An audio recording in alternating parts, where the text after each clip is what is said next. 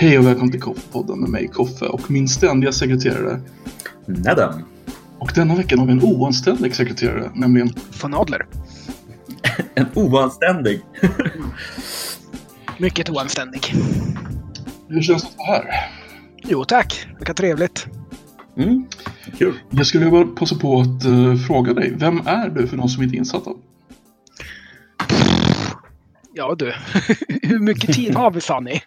Om vi, om vi säger så här, jag känner ju dig som, uh, som en av uh, svenska delen av Reddits största historieproducenter och intressenter. Kung, den som är kungen av historia och även en väldigt aktiv användare av r slash ask history. Nej, Ask Historians är det. Så var det. Mm. Ja, jag var en flared user på Ask Historian förut, men inte längre. Eh, jag är ju en amatörhistoriker och väldigt glad i historia, men jag håller inte alltid akademisk nivå och Ask Historians vill ha akademisk nivå på allting. Okej. Så jag är inte en flared user längre. Okej. Var kommer ditt historiska intresse ifrån? Det vet fanken. Jag, så länge jag kan minnas har jag haft ett historiskt intresse. Det finns en bild på mig när jag är typ fem år gammal i morfars chaufförmössa, ett skohorn och eh, ett morgonrocksband bu- bundet till officerskoppel kommenderandes legosoldater. Eh, så att så länge jag kan minnas, och förmodligen längre än det. Ursäkta den oanständiga frågan, men du har ändå inte studerat historia på, någon, på något universitet eller något sånt här, eller? Nej, det var, jag funderade, vad ska det vara IT eller historia? Och IT verkade som en bättre karriär. Och Mm. ja, det var det nog också. Så historia fick bli ett fritid, förbli ett fritidsintresse. Men vi kan säga att det är ett stort fritidsintresse. Oh ja. Hur, eh, hur många böcker plöjer du igenom på ett år i ämnet historia? Det beror på vad man avser. Alltså, många av de böcker jag köper är ju inte den typen som man plöjer igenom. Utan det är ju referenslitteratur mycket då. Mm. Eh, som man tittar i när man behöver komma på någonting eller tänka efter med någonting. Vad hände då? Vad? Och sådär. Så att, men ett tiotal är det ju i alla fall som är plöja igenom möjliga böcker. Men så läser jag väldigt mycket online och referenslitteratur så där som man läser bitar och kapitel här och där. Får jag fråga en sak? Är det något specifikt ämne inom historia som du har som ett liksom övergripande, det här är det du tycker är absolut mest intressant? Eller är det så att du är väldigt bred i dina intressen med historia? Alltså, det brukade vara konflikthistoria, men jag har på senare år flyttat över mer till socioekonomisk historia. Jag tycker det är väldigt intressant att läsa om eh, orsakerna bakom krigen och konflikterna och inte bara krigen och konflikterna. Och varför kunde Holländska republiken slå, slå långt över sin befolkning under 200 år? Varför kunde Holländska republiken slåss långt över sin befolkning 200 år? Ja, mycket legoknektar. Men eh, de hyrde in, betalade bäst i Europa så att eh, halva deras flotta bestod av engelsmän, skandinaver och tyskar. Så att det var inte holländare som dog i deras krig. Och, Mm. Okej. Vilka årtionden var detta? alltså vi pratar tidigt 1600-tal till mm, i princip 1750 någon gång. Okej, fascinerande. Vilket område är du minst intresserad av? Vilket är du minst... Vart är dina stora svarta hål? Eh, Det är ju tiden efter andra världskriget. Jag är inte alls lika på- bra på den som tiden innan. Sen ska jag erkänna att jag inte är superbra på Östasiens historia före medeltiden. Alltså, Det är snävt ändå. ja. Jag kan ju liksom säga, ja men det fanns det kambodjanska kungkejsardömet och förmodligen följde någon gång på 1400-talet eller sådär. Men jag är inte alls lika detaljrikt kunnig som jag är på europeisk historia. Har du läst Guns, Germs and Steel? Eh, delar. Den är väldigt intressant. Vad är huvudtesen i den boken? Eh, att européernas överhöghet under 1700 och 1800-talet beror på stål, eh, sjukdomar och eh, krutvapen. Är det en tes du håller med om? Delvis. En, en del är fel och en del är eh, förenklat. Men mycket stämmer ganska bra. Intressant. Kan du inte berätta lite? Alltså det, du har ju till exempel att när européerna kom till Amerika så dog ju mellan, man beräknar mellan 80 och 90 procent av urbefolkningen i europeiska sjukdomar. Så att när engelsmännen koloniserade eh, östkusten i USA så kallar de det Virgin Land. Och, och det är en gudagåva för det är perfekt anpassat till jordbruk och vi kan börja direkt. Ja, det är för att urbefolkningen har odlat det här i tusen år. De har bara dött av allihop. så det är inte så svårt att bara plöja någonting som har varit liksom urdikat och odlat i tusen år. Nej, det är ganska lätt. Mm. Så att eh, det, där är ju liksom germs, sjukdomar, som har ihjäl dem. Men det här funkar åt andra hållet också. Så europeer tar ju inte över centrala Afrika förrän det artificiella kininet kommer så att de börjar hantera malarian och sömnsjukan från CC-flugan. Och ja, man sålde ju handeldvapen och gav det till vissa kungariken och stammar i Västafrika och fick slavar i retur som de tog av rivaliserande kungariken. Och så stål då som man gärna använde mot folk som inte hade stål. Men eh, eh, söndra och härska var ju lika mycket en taktik som stål och vapen. Det är bara att titta på Ostindiska kompaniet i Indien. Tänker du primärt på de här hindunationalistiska rörelserna som man stödde och att man hjälpte de muslimska organisationerna samtidigt? Och ja, alltså det, det, var, det var ju, man stödde ju Maratha-rörelsen mot Mughal-kejsarna. Mm. Och så sen förrådde man dem och började ta över saker själv tills alltihop kraschar i det stora Sepoy-upproret. Mm. Eh, och då tar brittiska staten över det Ostindiska kompaniet. Vilket är ganska absurt att det är ett privat företag som äger nä nästan en hel subkontinent. Mm. Och för krig på egen hand. Jag menar, Blackwater och alla de där har ju ingenting på det. Nej, det är på en egen nivå alltså. Mm. Kan man inte säga att eh, Dole och de här bananföretagen hade väl ganska stor äganderätt i Sydamerika? Ja, precis. Alltså, de, ägde ju regeringarna men de förde, hade ju inte egna privata arméer. De förde inte egna förklarade krig mot stater. Men, men är inte det nästan för att de inte behövde göra det? Alltså jag menar på grund av att USA gjorde det åt dem via CIA? Ja, delvis så. Eh, och delvis för att de kunde ju äga regeringen. Alltså de, det var ju de som fixade vapen och pengar liksom och så installerade mm. de och såg till att det blev en kupp som var väl, blev en regering som var värd till dem.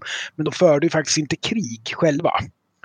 Och på det Nej. sättet är ju Ostindiska kompaniet unikt att liksom, det förde ju krig mot andra stater på egen hand. Utan att brittiska staten var inblandad alls. Men hur blev det om, om, om de gick i krig med någon annan stat då, Ostindiska kompaniet? Var, var de officiellt i krig med Storbritannien eller var de bara i krig med uh, Ostindiska Bara kompaniet? Ostindiska kompaniet. Hände det någon gång att de uh, det spillde över till uh, problem Nej, så De indiska rikena där hade ju ingen förmåga att projicera makt bort till Europa. De hade ju inte de flottor och sådär i den utsträckningen att de faktiskt kunde segla till Europa och börja bombardera London eller någonting. Men jag tänker att Storbritannien kanske skickade båtar i farvattnen i närheten. Nej, det var ju Ostindiska kompaniets fartyg. De hade ju monopol på handeln där. Innan vi gräver oss uh, djupare i detta så tänkte jag fråga dig, eller snarare sagt jag vet att du har några uh, historiska, så att säga, pet peeves.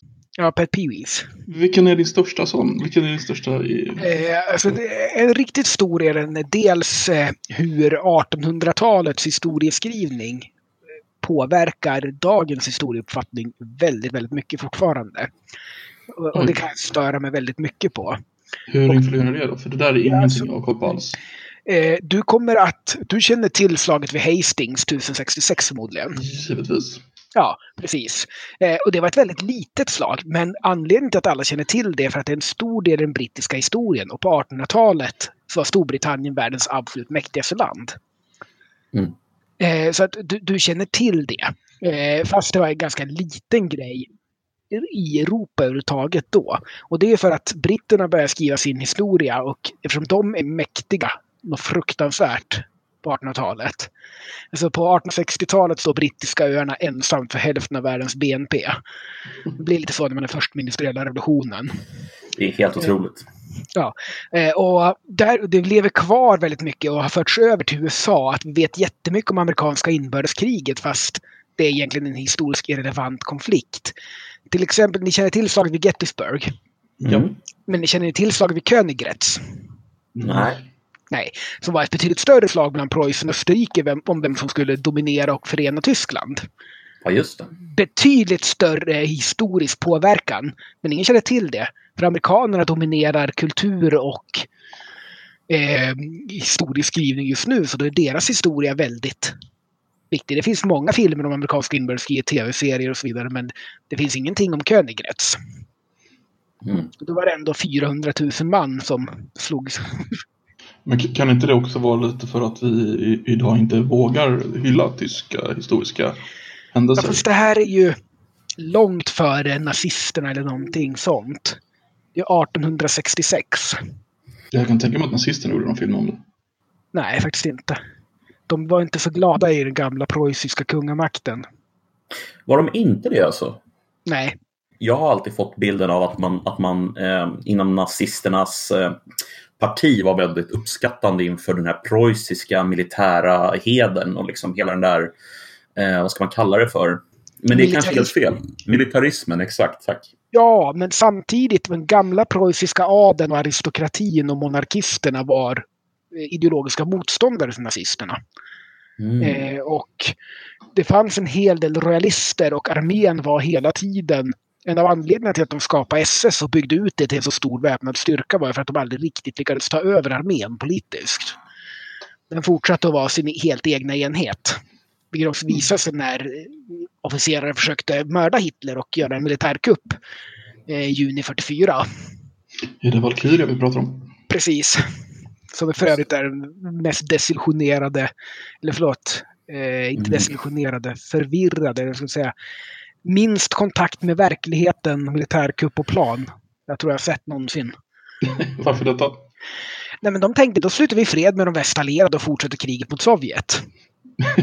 Wow. Ja, ja, ja, det kommer ju de västallierade gå med på. Det är bara Hitler som är vägen för fred. Det är inte alls så att de har kommit överens om vid Jalta att liksom, det är en...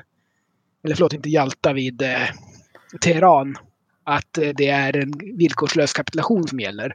Så fort Hitler är borta kommer de västallierade vara så här, nej men det behövs inte, vi sluter fred och så kan ni fortsätta kriga mot Sovjet. Ja, den är svår att se va? Ja. Var det inte en teori att Hermann Göring försökte göra samma sak? Att han åkte sitt lilla plan till England och försökte mäkla fred? Eh, Du tänker nog inte på Göring utan på, nej, jag tappar bort namnet. Eh, Ja, inte det um, Mm. um, Hess? Nej. Ja, precis. Rudolf Hess. Tack. Ja. Jag har en tendens att tappa bort namn och årtal sådär ibland. Därför jag googlar. Eh, jo, han ville ju sluta fred med. eh, Skulle ju, för att, men det var ju också, alltså, nazisterna hade ju en fruktansvärt komplicerad och förvirrande maktstruktur.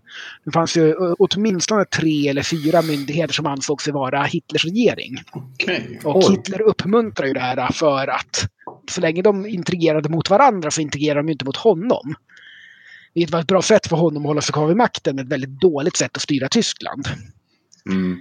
Eh, och det är för övrigt, nu går vi för att rondera till Pet Peewees, så är ju det att folk som tror att nazisterna var effektiva. Mm. Och det är en bild man får erkänna att man har. Mm, absolut. Den bilden har jag också, absolut. Nej, nej, nej. Alltså, Tyskland började kriget med samma nivå av skuld till, i förhållande till BNP som USA slutade med. Och då ska man tänka på att USA finansierade i princip västallierade och Sovjet hela andra halvan av kriget. Mm. Eh, Tyskland, eh, och det är en väldigt bra exempel på det här. Därför att i Tyskland behövde Wolfram. Därför att på den tiden använde man Wolfram, inte industridiamanter, när det ska borra, såga, svarva i stål. Vilket är totalt vitalt för vapenproduktion. Och de enda källorna till Wolfram i Europa låg i Spanien och Portugal, neutrala länder. Och Tyskland var ju där och försökte köpa så mycket Wolfram som möjligt. Så att priset på ett ton Wolframmalm i Spanien under kriget gick från 75 dollar till 18 500 dollar. För att de västallierade var ju där och försökte köpa så mycket som möjligt så att tyskarna inte skulle få det. Eh, och tyskarna fick sluta, för att de använde ju Wolfram i eh, pansarvärnsammunition. Det fick de sluta göra och använda sämre ammunition för att de behövde allting till industrin. Medan de västallierade kunde ju använda sån ammunition eh, och fortsätta göra det. Men i det här då, då behöver tyskarna guld. För att det är enda eh, Spanien och Portugal accepterar som betalning för det här.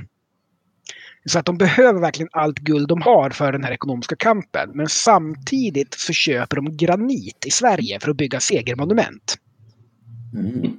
Så miljontals, alltså tusentals kubik huggen granitsten beställs och betalas med guld i Sverige och huggs men levereras aldrig. För tyskarna har inte skepp, skeppskapacitet att ta emot det här. För de behöver sina fartyg och sin järnväg för annat. Viktigare grejer. Men det betalas ändå med guld. Och så sen eh, nästan alla gravstenar som görs i Sverige idag är gjort av nazistgranit. Därför att efter kriget så sålde svenska staten de här på auktion och stenhuggerierna köpte upp sina egna lager. Som de hade redan fått Mm. betalt för, för en spottstyver då förstås. Och så sen finns det färdighuggen sten och det räcker fortfarande till att göra gravstenar i Sverige. Och det Alltså, säger en del om den nazistiska effektiviteten. Om vi fortsätter på den här idén om den tyska ineffektiviteten. Om jag skulle vara en, eh, en skattmas i Östtyskland, liksom, någonstans i Östtyskland. Hur skulle min rapporteringskedja se ut?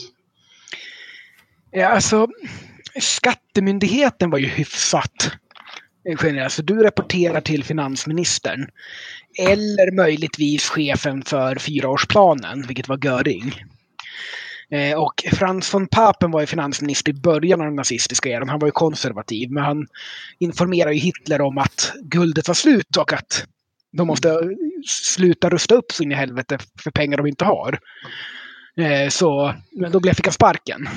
Så det enda som räddade Tyskland egentligen var ju att de snodde den österrikiska och sen den tjeckoslovakiska guldreserven. Eh, får, jag, får jag ställa en fråga Adler om kopplingen Sverige-nazismen? Eh, som jag jättegärna skulle vilja ha din, dina åsikter om eller tankar Mm. kring. Och det är ju det här med eh, von Rosen och eh, vad hette han nu? Får du hjälpa mig med namn här? Eh, Eh, den, alltså, greve von Rosen var ju känd för att vara nationalist och Finlandsvän. Jag tänker framförallt på den här nazisten som eh, gifte sig, eller inte gifte sig, men han var väldigt, väldigt kär i en av von Rosens uh, döttrar tror jag. Eh, Alltså eh, Göring var ju gift Göring, med en svensk. Göring, Han, han Göring. var gift med Karin. Som Mm. var en svensk adelsman, men hon dog ju. Eh, Och så gifte han om sig. Det. Mm. Just det. Eh, det jag undrar över är egentligen, det- jag såg en dokumentär på SVT för nu är det väl kanske två år sedan. Och den hade sitt ursprung då i teorin i den här dokumentären som blev ganska bespottad och de, de får ju ganska mycket skit för den. Eh, det är ju då att eh, mer eller mindre så här påståendet att Hitlers aska togs ut ur Tyskland. Och att det, den här urnan med Hitlers aska finns i Sverige. Och att svenska nazister sedan slutet av andra världskriget har hedrat den här en gång om året på hans födelsedag. Känner du igen det här? Ja, det är helt precis. absurt alltså. Eh, ja, För att jag tror ju verkligen att den so- sovjetiska röda armén liksom som tar graven där det, askan ligger bara. Ja, nej, men här, svenska nazister, ni kan ta den och ta med den hem. Hej då! Nej, precis. Sannolikheten är tämligen låg. Alltså Stalin var eh, fanatiskt eh, besatt av att Hitler verkligen skulle vara död och skulle tog all aska togs till Moskva och vissa benbitar identifierades så att det verkligen var Hitler. För han var, ville verkligen ha bekräftat att det var Hitler som hade blivit bränd och var död där. Han Mm. inte kunde dyka upp någon annanstans. Mm. Eh, Stalin var ganska paranoid och trodde väldigt länge att de västallierade och Tyskland skulle gå ihop och förråda honom och attackera tillsammans. Stämmer Ja. det att Stalin eh, blev förvånad när eh, tyskarna anföll? Ja, eh, så han, hade ju fått väldigt mycket varningar, bland annat av Sverige. För Sve- Sverige hade ju knäckt Tysklands koder och hade ju läst meddelandena. Mm. Varnade ju typ fyra dagar innan att inom en vecka kommer en attack komma. Eh, men eh, trodde ju då att det var västallierade komplotter för att driva en, eh, en kil mellan Tyskland och Sovjet. Och han trodde ju att det skulle bli krig mellan Tyskland och Sovjet, men han trodde inte att Tyskland skulle anfalla innan de hade slagit ut britterna. Därför att han visste att den tyska militären var väldigt rädd för tvåfrontskrig. För det var ju det som de hade Mm. haft under hela första världskriget. Så han trodde inte att Hitler skulle våga anfalla innan han gjort slut på Storbritannien. Och han, han själv, var, Röda armén var inte redo, de var ju mitt i en omstrukturering och ny beväpning. Så eh, han tänkte ju att kriget kommer om ett, två år. Och då är vi redo för det. Och ville verkligen inte tro på alla varningar han fick. Så han blev jätteförvånad, ja. Eh, Det, det, du sa att Sverige hade knäckt koderna. Mm. gjorde vi alltså det innan eh, England, Storbritannien? Ja, alltså vi knäckte Geheimschreiber snarare än Enigma. Det är två Jaha. olika maskiner. Eh, alltså när Tyskland invaderade Norge då ställde de som ett krav på Sverige att eh, norska statsradions kontrakt med Sverige om att få använda telefon och telegraflinjer över Sverige ner till kontinenten skulle fortsätta verka. Och Sverige sa ju ja och bara kopplade in sig på dem och avlyssnade. Men det var ju kodat och det var Arne Beur- Beurling, eller Beurling, matematikprofessor i Uppsala. Eh, känd för sin high function alcoholism, högfungerande Mhm. alkoholism, eh, som knäckte den där med papper och penna. Så läste Sverige under två år nästan 90 procent av meddelandena. Huvudsakligen för att tys- eh, tyska radiotelegrafister var lata. Mhm. De skulle ju byta eh, nyckel varje gång de skickade. Men de skickade alltid samma meddelande. Hej, det här är Oslo typ. Eller liknande. Mm. Så att då gick det ju att räkna ut vad den nya Mm. koden var. Och det är så här, rutin är döden i kodknäckande. Mm. Det är väl ungefär samma sak som med metadata. Alltså det är väl det det handlar om i grund och botten, eller hur? Ja, mycket, mycket sånt. Alltså, i, I teorin ska ju Geheimschreiber vara oknäckbar för det är en ny kod varje gång. Och det är så du ska inte kunna se några mönster. Men eh, när någon sänder samma fras som introduktion varje gång, då kan du börja se mönstren. Mm. Så att Ericsson byggde en Geheimschreiber utifrån Beurlings instruktioner som han förstått att han var uppbyggd. Sen eh, 1943 började vi kunna knäcka den igen därför att en tysk desertör tog med sig den till Sverige. Tyckte att får jag asyl här alltså, får ni den här. Coolt. Men var vi de enda som hade knäckt den eller hade alla knäckt den? Alltså, eh, Geheimschreiber var det nog bara vi som knäckte, för den gick bara på trådad trafik. Ja, ja. Enigma använde sig radiotrafik. Mm. Och jag tror inte de allierade hade tillgång till så mycket trådad trafik. Förstår jag det rätt om Enigma-knäckningen, eller vad man ska säga, var en större bedrift än den här? Eller är det tvärtom? Eh, det beror lite, alltså bägge är ju väldigt stora kodknäckarbedrifter. Mm. Eh, och i, teorin ska Geheimschreiber vara svårare än Enigma. Men eh, alltså, britterna hade ju också betydligt mer. Dels hade de ju polackernas... För de hade knäckt en tidigare version av Enigma eh, på 30-talet.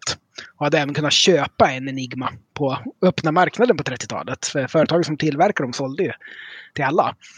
Mhm. Eh, och de skickade ju all det datat eh, till Rumänien och så vi, fick de åka vidare därifrån till Storbritannien.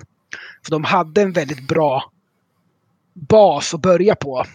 Och sen byggde de ju eh, elektroniska datorer för att hjälpa till i knäckandet. Och de resurserna hade ju inte Sverige alls på samma vis. Så ja, eh, bägge är väldigt stora kodbedrifter. Knäckandet av Enigma fick mycket större effekter för världshistorien. Men samtidigt hade de extremt mycket bättre resurser och en bättre plattform att börja på. Okej. Så att det är vad du värderar egentligen. Så vi hade en man med ett anteckningsblock och de hade hela Storbritanniens eh, industri bakom sig. Ja, ungefär så. Då, alltså, då, då står jag bakom mannen med blocket faktiskt. Ja, jag med faktiskt. För det är, det är för övrigt väldigt intressant hur effektiv svensk underrättelsetjänst var under andra världskriget. Till exempel varnade vi Norge tre gånger innan invasionen. Svenska underrättelsetjänsten hade väldigt nära kontakter med militärattachéerna som var eh, eh, tillkopplade till ambassaderna. Eller då hette det legationer, men ja, jag säger ambassader. För Mm. att det är lättare för att folk förstår vad jag menar då. Säger jag legation eller ministerium så fattar ingen. Men det är sidospår. Det var efter 45 började alla ha ambassadörer. Men innan dess var det den högsta rangen. Så det var bara stormakter som hade ambassadörer till varandra. Eh, I alla fall så. Eh, den svenska militärattachén i Berlin. Eh, med sina kontakter med tyska. Eh, fick ju då nys om att de skulle lastade av trupper på fartyg. Och började undersöka det här då och prata med svenska sjömän som seglar till tyska Östersjöhamnar med last av järnmalm och trä och så vidare. Och de kan bekräfta att de har sett tyska trupper lastas ombord på fartyg. Och pratar då med de här i hamnarna och dricker, bjuder dem på sprit och sådär och får veta att ja, vi ska till Norge och invadera. Sen ska vi vidare och därifrån invadera Nederländerna. Den delen var ju fel. Men det är fortfarande så att den 31 mars 1940 så bekräftar det och skickas till Sverige och Sverige låter Norge veta det. Mm. Att tyskarna lastar trupper i Östersjöhamnar. Trupperna säger att de ska invadera Norge. Eh, och den 6 april så bekräftar, och det vet inte vad, men Carlos Adlercreutz då, som var chef för C-byrån, den svenska militära underrättelsetjänsten under kriget, eh, bekräftar också genom sina källor att det är dags att de kommer att invadera Norge och skickar det till sin kontakt i Norge. Och det här är väldigt den morgonen den 8 april, alltså dagen innan invasionen, så är det den eh, tyska militärattachén i Finland tar ett möte med sin svenska motsvarighet där och berättar att de ska invadera Norge dagen efter. Men att Sverige kan vara lugna, vi ska inte invadera Sverige. Och det gör han därför att han har varit militärattaché för hela Norden och stationerad i Stockholm. Och det tyckte han var mycket bättre än Finland. Så han vill ha bra relationer med Sverige för att ha god chans att få tillbaka känslan av att vara militärattaché i Sverige. Och det skickar Sveriges svenska utrikesministern till den norska utrikesministern vid lunchtid den 8. Oj. Mm. Och på, efter lång debatt på kvällen den 8 så beslutar norska parlamentet att genomföra en, de, en partiell mobilisering på brev på tre dagar. Oj. Ja. Så att de stack huvudet i sanden nästan värre än Stalin. Får jag ställa en fråga om den här major Karl Petersen? Jag vet inte om du mycket känner till om honom, men jag, jag har hört, alltså jag har ju läst eh, den här boken av Wilhelm Agrell, Sprickor i järnridån. Mm. Och han tar ju upp major Karl Petersen lite och han verkar ha varit en ganska intressant karaktär. Jag tänkte, har Jag känner inte till honom. honom. Vem... Okej. Okay. Det är ju han som var, alltså major Karl Petersen var ju chef för C-byrån 1939 till 1946. Ja, precis, ja, precis. Det är han och Carlos Adlercreutz som chefar där. Ja, precis. Och jag har hört att han, just major Karl Petersen, ska ha varit en väldigt, alltså en unikt, en unikt unik person, är ungefär vad jag försöker säga. Alltså, han var ju unikt kompetent. Han var ju väldigt bra på att knyta samman information som han fick från olika källor. Och okay. gå vidare med den och ta reda på exakt vad som hände. Eh, för att det är uppenbart att den svenska militära underrättelsetjänsten under den här perioden fungerar extremt bra. Ett annat exempel är, tror jag, på den 11 april, om jag minns rätt, så går försvaret i Skåne in i högsta beredskap. Därför att man vet att tyskarna har tagit de danska järnvägsfärjorna. Oj. Och det antar man är för att de tänker använda dem för att frakta trupper över Öresund och invadera Sverige. Mm. Men bara att man vet att på morgonen har tyskarna gått ombord och tagit dem. Nu använder de för att skicka förstärkningar till Norge. Eh, så det var inte en invasion av Sverige, men man vet ändå det. Ja, för det, jag har en fråga där nämligen. Det är så att alltså, han, han får inte fortsätta sen efter kriget utan det blir ju istället den här eh, T-kontoret med eh, vad han nu heter. Jag bara tänker liksom om han var så, om han var så duktig liksom, att, han inte fick, att han inte fick möjligheten att fortsätta. Det måste ha funnits någon anledning. Ja. Eh, alltså, om jag minns rätt, och nu får du ta det här med en nypa salt för det var länge sedan jag läste om det här. Alltså, dels så ansåg han sig tyskvänlig under kriget. Även om han varit mm. kompetent att spionera på tyskarna. Eh, dels så ska han ha varit en väldigt svår person att jobba med. Han var kompetent men inte socialt kompetent med sina överordnade. Okay. Eh, och därför byttes han ut. Okej, okay. makes sense. Mm. Ja, är samma sak med Börling. Han blev ju också ersatt. För han var lite för burdus och lite för framåt med sina överordnade. Om man ska återgå till Pet Peewees då, det här med historia och eh, vems historia skrivs och sådär och vad känner man till. Så är också britter och framförallt amerikaner har en makalös förmåga att trycka sin historiska, sin dominans bakåt i tiden. Mm. Eh, så att jag diskuterar mycket historia online och eh, en del, del alternativ historia. Vad har hänt om det här och så vidare. Och bara nu i veckan så har jag försökt föra en diskussion med amerikaner om huruvida Napoleon III av Frankrike skulle ha stött sydstaterna under inbördeskriget. Eh, och de säger, men vi hade ju kunnat slå deras flotta. Så bara, Nej, ni har ett pansarskepp och sex ångfregatter. De har tre pansarskepp, 30 ånglinjeskepp och 28 ångfregatter. Det är liksom, de kan svepa och deras, all, tre av deras pansarskepp som eller finns från 1862 och framåt kan ensamma ta i, sig an hela den amerikanska flottan. Oj. För de har, ja. Men det är liksom, de vill inte riktigt förstå det. Och det är mycket sådär att eh, USA har inte varit, eller framförallt de har varit ekonomiskt väldigt starka väldigt länge. Framförallt från 1880-talet och framåt. Men amerikaner vill inte riktigt förstå att USA innan första världskriget var inte villigt att lägga pengar på militär. Dels hade de ju en republikansk tradition som var väldigt misstrodde militära etablissemang och stående arméer väldigt mycket. Det var ju en, en grej från i revolutionen och framåt. Eh, och dels ville de inte beskatta sin befolkning så att de hade inte pengar till att bygga upp militära etablissemang. Eh, och då eh, har de inte den militära makten att ta sig an en europeisk stormakt. Nej. Vad hände 1880 som gjorde att de fick eh, så mycket mer pengar? Ja, alltså det, industrialiseringen började nog komma i, få riktigt bra fart i USA. Och rostbältet började byggas upp och de började använda kol från West Virginia. Och, alltså, de kom ikapp Storbritannien i järnproduktion till exempel. Okay. Vet vi något om hur amerikansk eh, historieundervisning ter sig? Jag verkar ha så många fel. Mm, alltså, den är ju väldigt nationalistisk. De läser mm. väldigt mycket om sin egen historia och ganska lite om resten av världens. Trots att deras egen är så kort? Ja. Fokusera desto mer på den. Jag tänker att, alltså nu, nu, det här är ren spekulation, men, men eh, jag kan tänka mig att alltså supermakter, eller åtminstone när det är en, en väldigt så här, central makt, eh, tänker typ Frankrike under Napoleon eller mm. Storbritannien under 1800 och sådär, att de, mm. det blir väldigt lätt att fokusera på sig själv också när man ser sig själv som så mycket bättre ja, ja. än alla andra.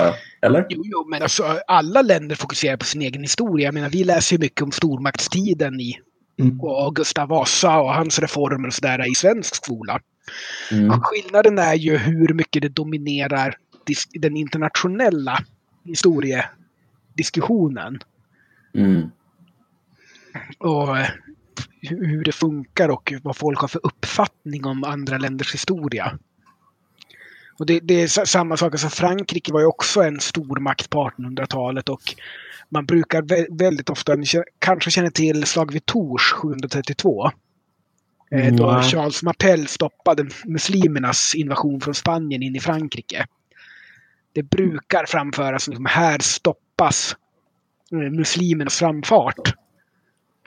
Eh, liksom att räddas Europa undan den muslimska invasionen. Det har varit lite populärt i vissa kretsar att ta fram den. Många känner till den i alla fall. Det är vanligare att man mm. känner till den än... Eh, och där var det kanske mellan 3000 och 30 000 berber och araber och deras hjälptrupper från Spanien som invaderade för att plundra. Och det var en räd bara, en plundringsräd i södra Frankrike. Mm. Men 717 till 718 så belägrade eh, kalifatet Konstantinopel. Man beräknar att de förlorade mellan 100 och 150 000 man där. Alltså kalifatet? Ja, eh, muslimska kalifatet. Det var en förenad mm. stat då. Mm. Eh, och det är där som det muslimska kalifatets expansion som har varit då i hundra år bryts. För de förlorar så fruktansvärt mycket män där. Okay. Vilket år detta? Det är 717 till 718. Okej. Okay. Lite, lite ofin fråga, men när grundades islam? Eh, det är på 600-talet. Jag kommer inte ihåg det exakta året. Mm. Men blir det genast en, ett, ett kalifat av det som sprider sig? Ja, det är ju i princip direkt efter Muhammeds död så blir det en kalif som tar över. Mm. Och det där är ju också varför shia och sunnimuslimer är delade. För de är inte överens vem som borde ha blivit kalif efter Muhammed. Vad är det, den tolfte, den elfte imamen är det väl shia-muslimerna tror på? Eller sånt där, eller tolfte ja, imamen? Precis. Eller? Ali. Just det. Någonting. Han ska komma tillbaka. Ja, men det tror ju alla religiösa människor. Någon ska komma ja, tillbaka. Precis. Det är standard. Men den här, den här kalifatet då har alltså från slutet av 1600-talet fram till vad sa du, 800-talet en, en konstant expansion? Ja, de, under 100-150 år har de en konstant expansion. Är det abbasid? eh, Nej. Nej, det är, abbasiderna är ett av de arvtagarkalifaten. Där det blir flera olika. Eh, dels ett shia-kalifat och ett sunni-kalifat och sen bråkar de också internt. Du har ju kalifen i Bagdad och kalifen i Toledo och kalifen i eh, Alexandria eller Kairo. Så det är Mm. vem som är, är inte helt sammanhållet. Men, men innan det här kalifatet då, var hela Mellanöstern kristet då? Eller vad kan man säga att det var? Alltså, Levanten var kristen. Mm. Eh, mycket av eh, Persien och Irak var ju zoroastriskt under. Eh, det är, eh, ska jag komma ihåg vad riket hette också. Eh, det byter ju namn. Timuruds. Nej, det är senare. Och de är sunnimuslimer. Eh, utan det är... Ah, Skitsamma, det är i alla fall ett förenat iranskt rike. De tog över efter parterna. Som jag kan inte, inte kommer på namnet på just nu. Men de och Östrom krigade ju jättemycket och hade ju ett, tror jag, 40 år någonting av ett krig. Och de var de två stora stormakterna i världen då. Så de Mm. krigar ju varandra till absolut utmattning och sen kommer araberna utstormande och Mm. tar över i princip hela Mellanöstern, inklusive hela det iranska riket. Eh, Och därför blir eh, Iran muslimskt och Levanten också. Sen ska man inte glömma heller att i Egypten till exempel så, för att just då hade, hade de en ikonklass som det kallades. Eh, Mm. Det var en konflikt huruvida man fick avbilda Gud eller inte och helgon var en grej eller inte. Där det fanns då renlärare som hävdade ungefär som muslimer gör, att man får inte avbilda Gud och inte Jesus heller då. Och i, helgon är eh, heretiskt. Så, Mm. eh, och eh, vem som hade makten om kejsaren trodde på det eller inte och så attackerade man kyrkor och brände ikoner, heliga ikoner och sådär. Och så det var en stor konflikt med det. Så att när muslimerna kom till Egypten blev de faktiskt hälsade som befriare. För här Mm. var det folk som trodde på rätt saker, tyckte de då. Mm. Och det var ju ikonoklask då alltså. Precis. Stor religiös konflikt i den östra kyrkan. Det är helt fascinerande att det trumpade deras teologi. Att de byter eh, trosuppfattning. Ja, alltså det, det skedde ju över en ganska lång tid. Det finns ju fortfarande mycket kristna i Mellanöstern. Får, får jag fråga en sak om det, Adler, snabbt bara? Jag har förstått det som att det handlar delvis också om att man, man sänkte skatten ganska mycket för de som existerade i Konstantinopel. Alltså i termer av att zakat var ju bara 5 eller något sånt där. Men att man hade samlat in mycket mer pengar innan och de blev väldigt glada över det. Ligger det Alltså- någon sanning i det? Eh, rent generellt så var ju muslimerna och framförallt osmanerna, när de kommer senare då, väldigt toleranta mot kristna. De krävde inte en konvertering. Eh, de lämnade ofta kristna samfund att sköta sin egen rättsskipning, att sköta sin, ha sina egna traditioner, lagar, giftermål och sådär. Det enda det var att man fick betala lite mer skatt än till muslimer. Det kallas jizya, om jag uttalar det rätt. Eh, och för att i Koranen så får du bara ta ut en viss mängd skatt. Jag vet inte exakt, men av kristna får du ta ut mer. Men det var fortfarande ofta mindre än vad som hade tagits ut innan. Men eh, det, det man sa i Konstantinopel på 1400-talet var hellre en turban än en påvehatt. Därför att man tog hellre muslimer som överherrar, för de var mycket mer toleranta och lät den sköta sin egen religion. Medan om katolikerna kom så ville de tvångskonvertera. Mm. Så det spelade väl en del roll. Sen att man hade förrått Östrom i Konstantinopel 1204 och tagit den var ju inte direkt populärt heller. Nej. Om vi ändå är inne- inne på ämnet med tvångskonvertering och eh, eh, toleranta muslimer då och eh, mannen i hatten.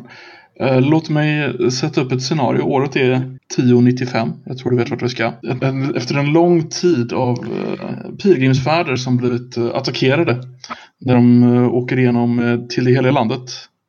Så går påven äntligen ut med de bevingade orden Deus vult och hela Europa samlas och krossar den muslimska horden och startar fina, trevliga kristna kungariken i hela Mellanöstern.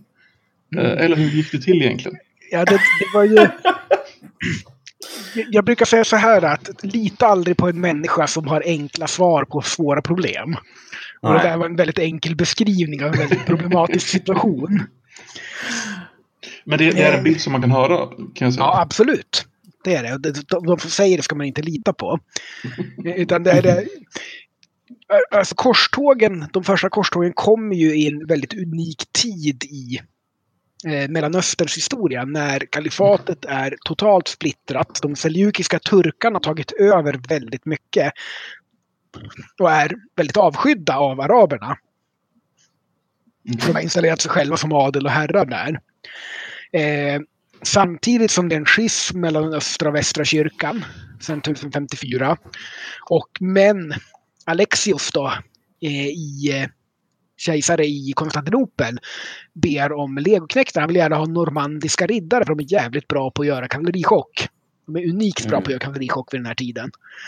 Som då eh, som legoknektar. Så han ber från en kristen till en annan. Han skickar ett brev till påven och därför påven gör det här att okej, okay, nu ska vi sluta kriga mot varandra och kriga mot muslimerna istället. Så att de var väldigt förvånade i Konstantinopel när det kom de här stora arméerna.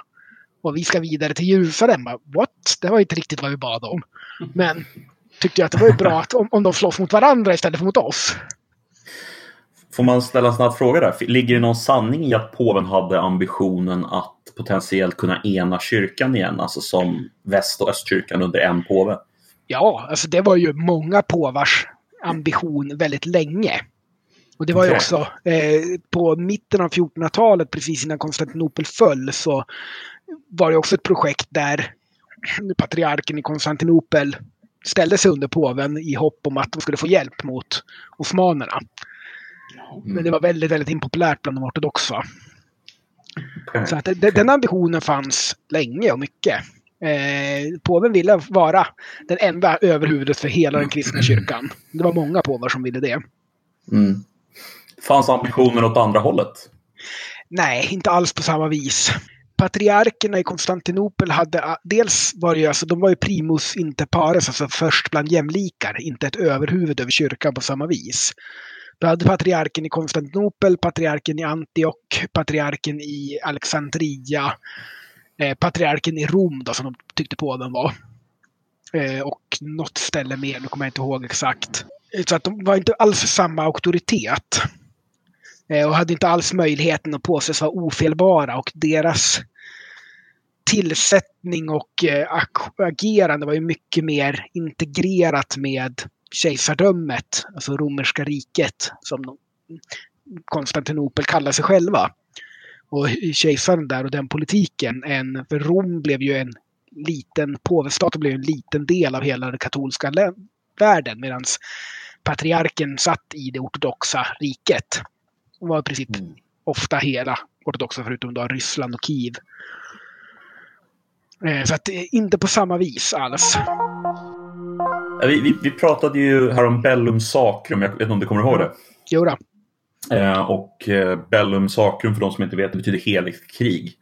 Eh, och det ska ju finnas, som jag har förstått, så kommer det ju något som heter Bellum Justum, som har någonting att göra med eh, romersk teori, alltså lagteori från början på något sätt. Stämmer det? Alltså, det är lite iffy överlag det där. För att det här är ju ingenting som är riktigt kodifierat. Alltså, när man ska prata medeltida och längre tillbaks lagar så är mm. mycket av det är tradition och respekt för lagarna. Det, det, du har inte liksom ett rättssystem som vi har idag. Vi har inte nedskrivna lagar i mycket. Och framförallt inte på högre nivå, att liksom, vad kan vi föra krig för och sådär. Det finns ingen Haagkonvention och det finns ingen FN-stadga och så vidare. Eh, så det är tradition och det är den som har vapenmakt och kan få andra att acceptera vad han gör. Som gör alltså, might makes right. Mm. Gäller väldigt mycket. Men man försöker ju ändå att påvisa att man har rätt. Och det finns en tradition då, hela vägen från romersk rätt, som är bellum justum. Vad är rättvisa anledningar? Varför får man föra krig? Mm. Eh, men det är ju ingen som riktigt bryr sig om det när de väl vill föra krig. Så det är egentligen bara, ja det är, it's not worth the paper it's written on liksom? Ja, om det var någon som respekterar det. Mm. Och de, den personen får respektera hade mycket vapenmakt. Men det är så att... Eh, kan ju ta liksom eh, konflikten mellan eh, Heliga Tysk-romerska riket, eller kejsardömet som man kallar det då, och påvemakten. Fanns det väldigt lite bellum justum eller bellum sacrum i det. Utan mm. det var vem har inflytande, vem har rätt att säga någonting. Ska, är påven överställd kejsaren eller är kejsaren överställd påven? Och, så krigar de om det. Och lite samma sak med ganska mycket krig. Alltså hundraårskriget hävdar då eh, engelske kungen att han har rätt till franska tronen därför att han har bättre krav på den än den nuvarande monarken fast det finns en tradition då och det är inte en nedskriven tradition att det ska bara ärvas via män. Medan engelske kungen hade ett äh, arvskrav via en kvinna. Ah. Det som kallas salisk lag.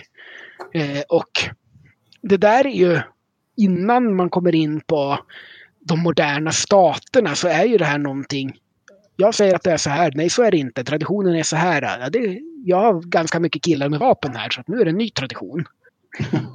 så att det, mycket av det här är ju teorier som skrivs ner och sådär, men det efterlevs väldigt lite. Okej. Okay. Män har högre ideal, men verkligheten är en annan. Ja, men så gäller det egentligen med mycket av idag också. Jag menar, Krimockupationen är ju inte direkt FN-stadgeenlig. Inte riktigt. Nej. Små gröna män, eller vad man brukar säga. Ja, precis. Ja, det är därför man skiljer på de jure och de facto. Mm. Precis. Mm. Du nämnde Rom förut. Jag hade en liten fråga om Rom. Uh, Rom och historieskrivningen. Mm. Alltså, Romarriket, det var ju ja, 2000 år sedan. Mm. Ja, 500 år sedan. Vad sa du? Ja, det levde ju fram till 400-talet. Så 1500 ja, alltså, år sedan. Ja, Ryssland gör väl fortfarande krav på att de har... ja, de är... Kaiser är väl också, Kaiser är väl också Caesar? Alltså... Ja, ja. Det, Kaiser är väldigt nära den latinets uttal av Caesar. Ah. Det, det, finns inget mjukt C i latin. C uttalas K på latin. Okay. Så, Caesar, Caesar. Kaiser. Ja, så skulle man Caesar själv ha uttalat sitt namn. I och för sig, han pratade okay. grekiska huvudsakligen, men ja. Detta har alla som spelat Fallout New Vegas faktiskt erfarit. Ja.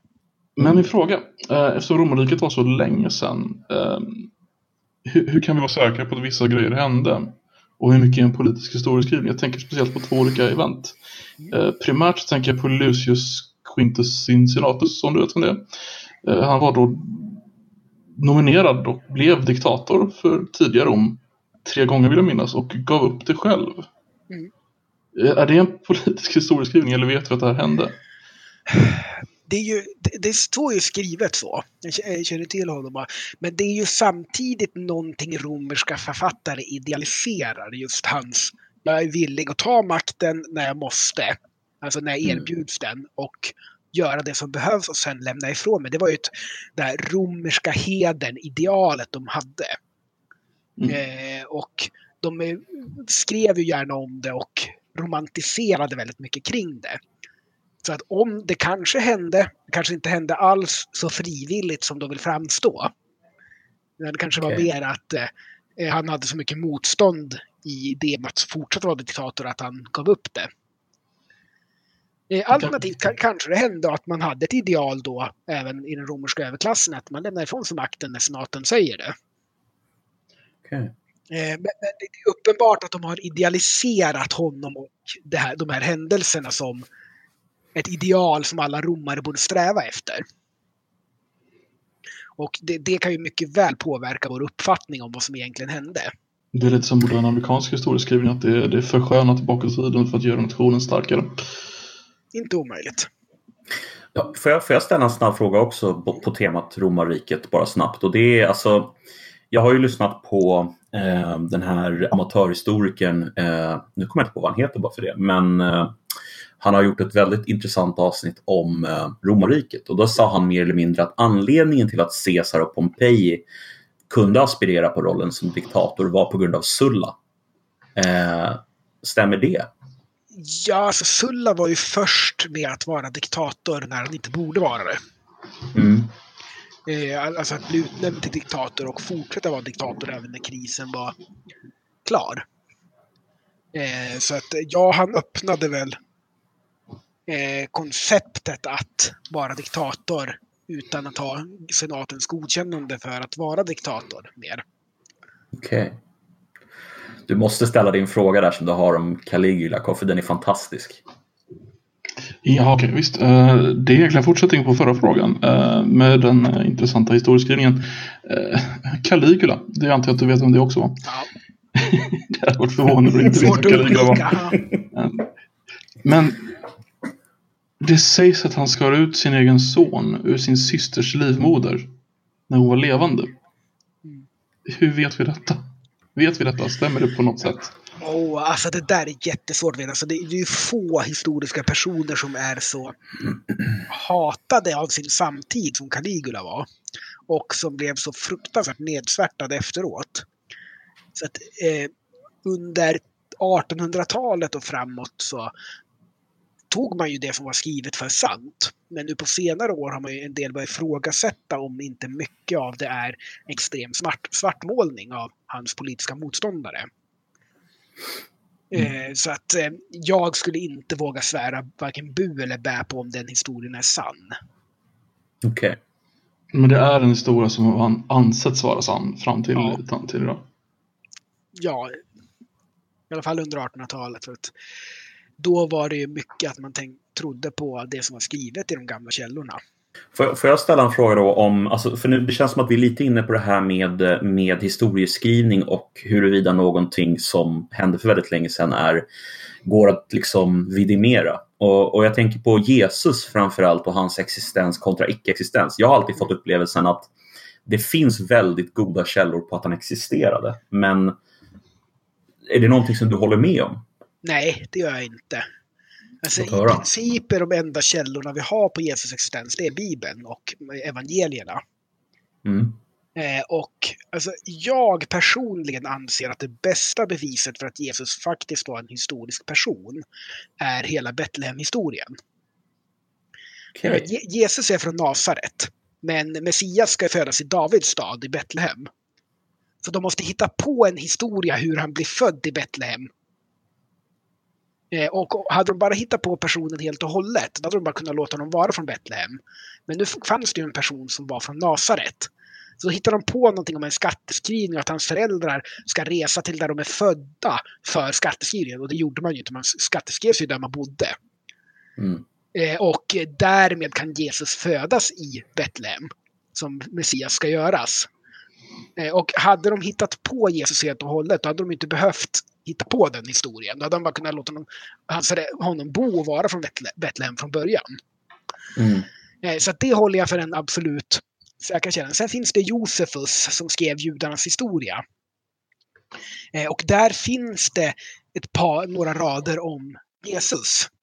Men på senare år har man börjat anse att dels pratas det om en annan Jesus Eh, och så pratas det, om James, eh, bror till Jesus. Eh, problemet är att Jesus är inte ett ovanligt namn på den tiden. Och eh, när det pratas om eh, James bror till Jesus så är det förmodligen en annan Jesus, en ganska prominent adelsman eller storman. Men James är då eh, en högt uppsatt kyrkoman för i den judiska tron enligt Josefus mm. skrifter. Sen finns det en sektion om två rader som man där det står att man pratar om Jesus, den prominenta eh, predikaren som var Messias. Som många tror är en, ett tillägg när man gjorde en avskrivning på 400-talet. För att någon är sur, kyrkoman som sitter och skriver är sur över att Josefus inte nämner Jesus. Mm. Så han lägger till det. Eh, så att där finns det, och det är en relativt samtida källa. Och är det tillagt eller inte, det vet man inte. För att det finns typ en halv sida som nämner Johannes döparen i det. Så där har man ju flera källor som bevisar Johannes döparens existens. Just det. Så att min eh, uppfattning är att Jesus är en historisk person. Det är en predikant i den judiska tron. Eh, där, och så måste man hitta på den här Betlehem-historien för att det ska stämma. Eh, och så sen kopplar man ihop honom med Johannes döparen. Och för att han blir döpt av Johannes döparen och Johannes döparen säger ja men du borde döpa mig egentligen. Därför att Johannes döparen var en stor och känd predikant på den tiden. Eh, så att ja, jag, jag, tror han fanns men han var inte alls så prominent som man gärna vill göra det till. Eh, alltså det här med dop, en sak som jag alltid har funderat på. För i, in, i mitt huvud alltså så, så blir det ju väldigt kopplat till den kristna religionen. Men eftersom det är uppenbart att Johannes döparen existerar eller döper Jesus och så vidare. Alltså dopet som, som eh, sakrament, alltså när är det någonting som kommer redan i den judiska religionen tidigt? Eller alltså hur, hur, hur hänger det där ihop? Riktigt? Oh, jag är inte hundra procent där faktiskt. Så jag vågar inte uttala mig för jag kommer säkert säga fel då.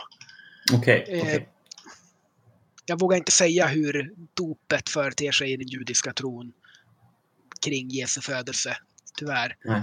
Nej, det är ingen fara. Jag bara undrar. Alltså, vi kan, vi kan eh, klippa bort den frågan helt. Nej, alltså jag behöver inte framstå som perfekt kunnig. jag kan inte allting. Fast det är du nästan, Adler. Det vill jag ju på, på, eh, påpeka. du kan väldigt mycket i alla fall. Ja, hyfsat. Ja, och vi återansluter till, till, till Jesus. Vilket är något jag inte trodde jag skulle säga i den här podden. Um, jag, jag, är ganska säker på att uh, Pliny den yngre alltså han som är född efter Kristus, skrev om, skrev om en kristelik figur i, uh, i början där. Kan, kan man inte räkna det som en källa? Alltså, är inte det, någon det är inte av... samtida. Han är ju väldigt samtida. Alltså han är nästan samtida. Ja, men, men han finns samtida vi är. Som evangelien finns ner mellan 70 och 100 efter Kristi födelse. Och mellan 50 och 70 år efter hans död. Mm.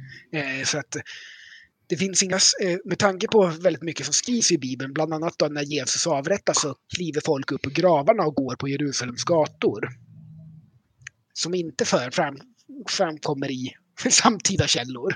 Att Nej, zombies ska knata runt. Eh, så, och mycket andra mirakel då som Jesus gör. Eh, och ett, ett, annat problem är ju att Herodes dör ju fyra år före Kristus. Så det är svårt mm. att han är med och mördar barn. När Jesus ja, den är svår. Ja. Så att eh, någonstans är ju det är mycket möjligt att Plinius skriver om de tidiga kristna sekterna. För det finns, mm. ju, alltså, det finns ju folk som tror på det här och förmodligen var han en predikant som fanns.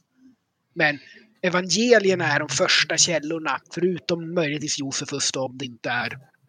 Eh, för Josefus eh, är ju faktiskt samtida med Jesus, mm. eller han skriver bara tidigare än evangelien i alla fall om judiska folkets historia.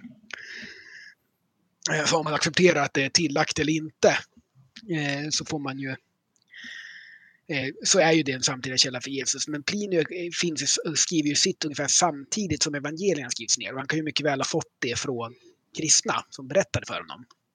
Mm. Okay. Inte för att märka ord, men du säger det finns faktiskt folk som tror på det här. Ja, de är väl två, nästan tre miljarder i dagsläget. Ja. Bara för att man är många betyder inte att man har rätt. Argumentum ad populum, eller vad kallas det för? Mm, är inte något Precis. Sokrates var ju inte direkt... Han, man kan ju inte hålla med om honom, med honom om mycket heller egentligen, förutom möjligtvis den sokratiska metoden. Men han ja. var ju, hatade den atenska demokratin och tyckte den korrumperade ungdomarna, det behövdes en stark diktatur. Var därför han fick ta livet av sig. Vad är den sokratiska metoden? Eh, det är det här att man ständigt ska ställa frågor för att förstå vad någon annan säger och tycker. Eh, jag kommer inte ihåg det i detalj, men det är sådär att om du argumenterar så ska du få någon att ändra åsikt genom att få dem att förklara sin position och varför de tycker så. För att då kan man mycket lättare ta fram motargument och få dem att tänka. Jag förstår. Är, är du kunnig om de gamla grekiska filosoferna? Inte jättebra. Jag har väl ytlig kunskap. Okej. Okay. Eh, jag tänker framförallt då på hur mycket eh, den här platonska eller Platons eh, liksom, filosofi påverkade tidig kristendom. Skulle du kunna prata lite om det? Oh, jag är lite dålig på kristendomens tidiga historia innan Nicea-konciliet. Ah, okej. Okay, okay. den är ju väldigt vidspridd då och väldigt spretig. Det är ju till Just det. exempel, de har ju hittat Judas evangeliet i Egypten. Oj. Vet du, för i Okej. Nicaea konciliet när eh, kristendom skulle bli romersk statsreligion så satte de sig ner och försökte liksom samla ihop Bibeln från ganska mycket spretiga texter med olika traditioner och olika teologiska uppfattningar. Mm. Och det, eh, sen fick man ju order om att allting som inte var det vi har sagt att det här gäller under kejsar Konstantins överseende så fick alla order om att resten ska förstöras. Men i något, vid något kloster i Egypten så begravde de i en lerkruka i öknen istället. Och där framstår ju Judas som en hjälte. Eller inte en hjälte, men han är, han är en tragisk hjälte därför att någon måste förråda Jesus för att han ska kunna bli korsfäst och dö för alla synders skull. Så någon måste ta på sig att bli den mest hatade personen någonsin. Och Mm. Judas gör det med ett tungt hjärta. För att han vet att det måste göras. Och det är en helt annan historia än det som förekommer i de andra evangelierna. Är det här Nag Hammadi-grejerna? Nej. Jag vet inte exakt. Väldigt intressant. Det finns en Thomas-evangeliet som inte förekommer i Bibeln heller. Det är Jesus bror, nej? Nej, det är en av lärjungarna har för mig. Ta, ta det jag säger med en nypa salt nu. Det här är inte min starkaste sida. Nej, jag, jag, jag köper det. Jag köper det. Mm. Det är väldigt intressant i alla fall. Tysk, tyska guldreserver under andra världskriget istället. Vill du ha en andra världskriget-fråga så kan du få det. Gärna. Mm, gärna. Man märker att du går, går igång lite på andra världskrigsfrågor.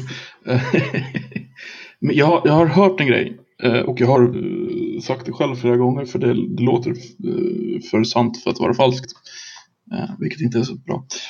Om man tar ut slaget om Stalingrad Mm. Ur andra världskriget så är det enskilda slaget världens blodigaste krig. Nej, Alltså att det skulle vara så många offer i slaget om Stalingrad att det skulle trumpa hela resten av kriget. nej, nej, nej, nej. nej. Det stämmer inte. Nej, alltså Stalingrad förlorade tyskarna omkring 400 000 man och Sovjeterna omkring 600 000. Men slaget vid Somme eh, förlorade bägge sidor ungefär en och en halv miljon man. Oj. Och det är liksom det är lite över en miljon som går Mm, åt och i hela andra helt- världskriget går åt ändå 54 miljoner människor. Ja. Så att det är, Som det första världskriget? Nej. ja, stämmer bra. Du har Verdun också, du har eh, även Brusilov-offensiven, då går det åt 1,6 miljoner människor. 600 000 österrikare och en miljon Mm. Det ryssar. är helt otroligt alltså. Med alla dessa höga åtgångar av män. Mm. Hur kan Tyskland på bara, ja egentligen bara 20 år, återhämta sig och föra ett nytt världskrig så där snabbt? Ja. De förlorade ju mindre än alla andra. Och framförallt var det ju, de stod på ockuperad mark och det var andra länder som förstördes. Tyskland själv, det fanns ju inget bombkrig då, Mm. förstördes ju aldrig. Och det är ju en del i den här eh, dolkstötsmyten att Tyskland inte förlorar kriget, för de såg ju aldrig fientliga trupper i Tyskland. D- Deras arméer stod på ockuperad mark och slogs framgångsrikt mot fiender och vållade alltid de större förluster än de själva led. Och de slog ut Ryssland ur kriget. Så att det är en vital del av dolkstötsmyten och det var en av anledningarna till att de allierade var så eh, fokuserade på att de skulle ockupera Tyskland efter andra världskriget så inte det skulle Mm. hända igen. Ja, Eh, de ockuperade ju Tyskland till, till 89 eller sådär. Ja, alltså 49 blev ju Västtyskland ett eget land igen. Så då var det inte Jo. ockuperat. Jag har faktiskt porslin som är Made in US Occupation Zone. Jaha. Coolt. Fantastiskt. För då finns det inte något Tyskland. Just det. det finns bara de här eh, kontrollerade zonerna då, eller? Ja, precis. Ja, det var allt för Kaffepodden denna veckan. Eh, Vi vill tacka vår vackra och eminenta gäst Von Ader. Vackra, ja, ja. Tack så mycket för att vi fick komma. Det är roligt att någon vill lyssna på det man är passionerad över. Det händer inte så ofta. Det har varit jättekul att få prata mm. med dig om det. Superintressant. Verkligen, verkligen. Ja, det är alltid roligt när någon vill lyssna på det man är passionerad över. Det... Normalt man står på fester och pratar historia så ser man liksom blicken bli glasartad. så ja, nu får vi prata om annat. Då passar vi på att eh, önska er en trevlig vecka och vi ses sen. Ha det gött. Hej! Detsamma. Tack och hej. hej.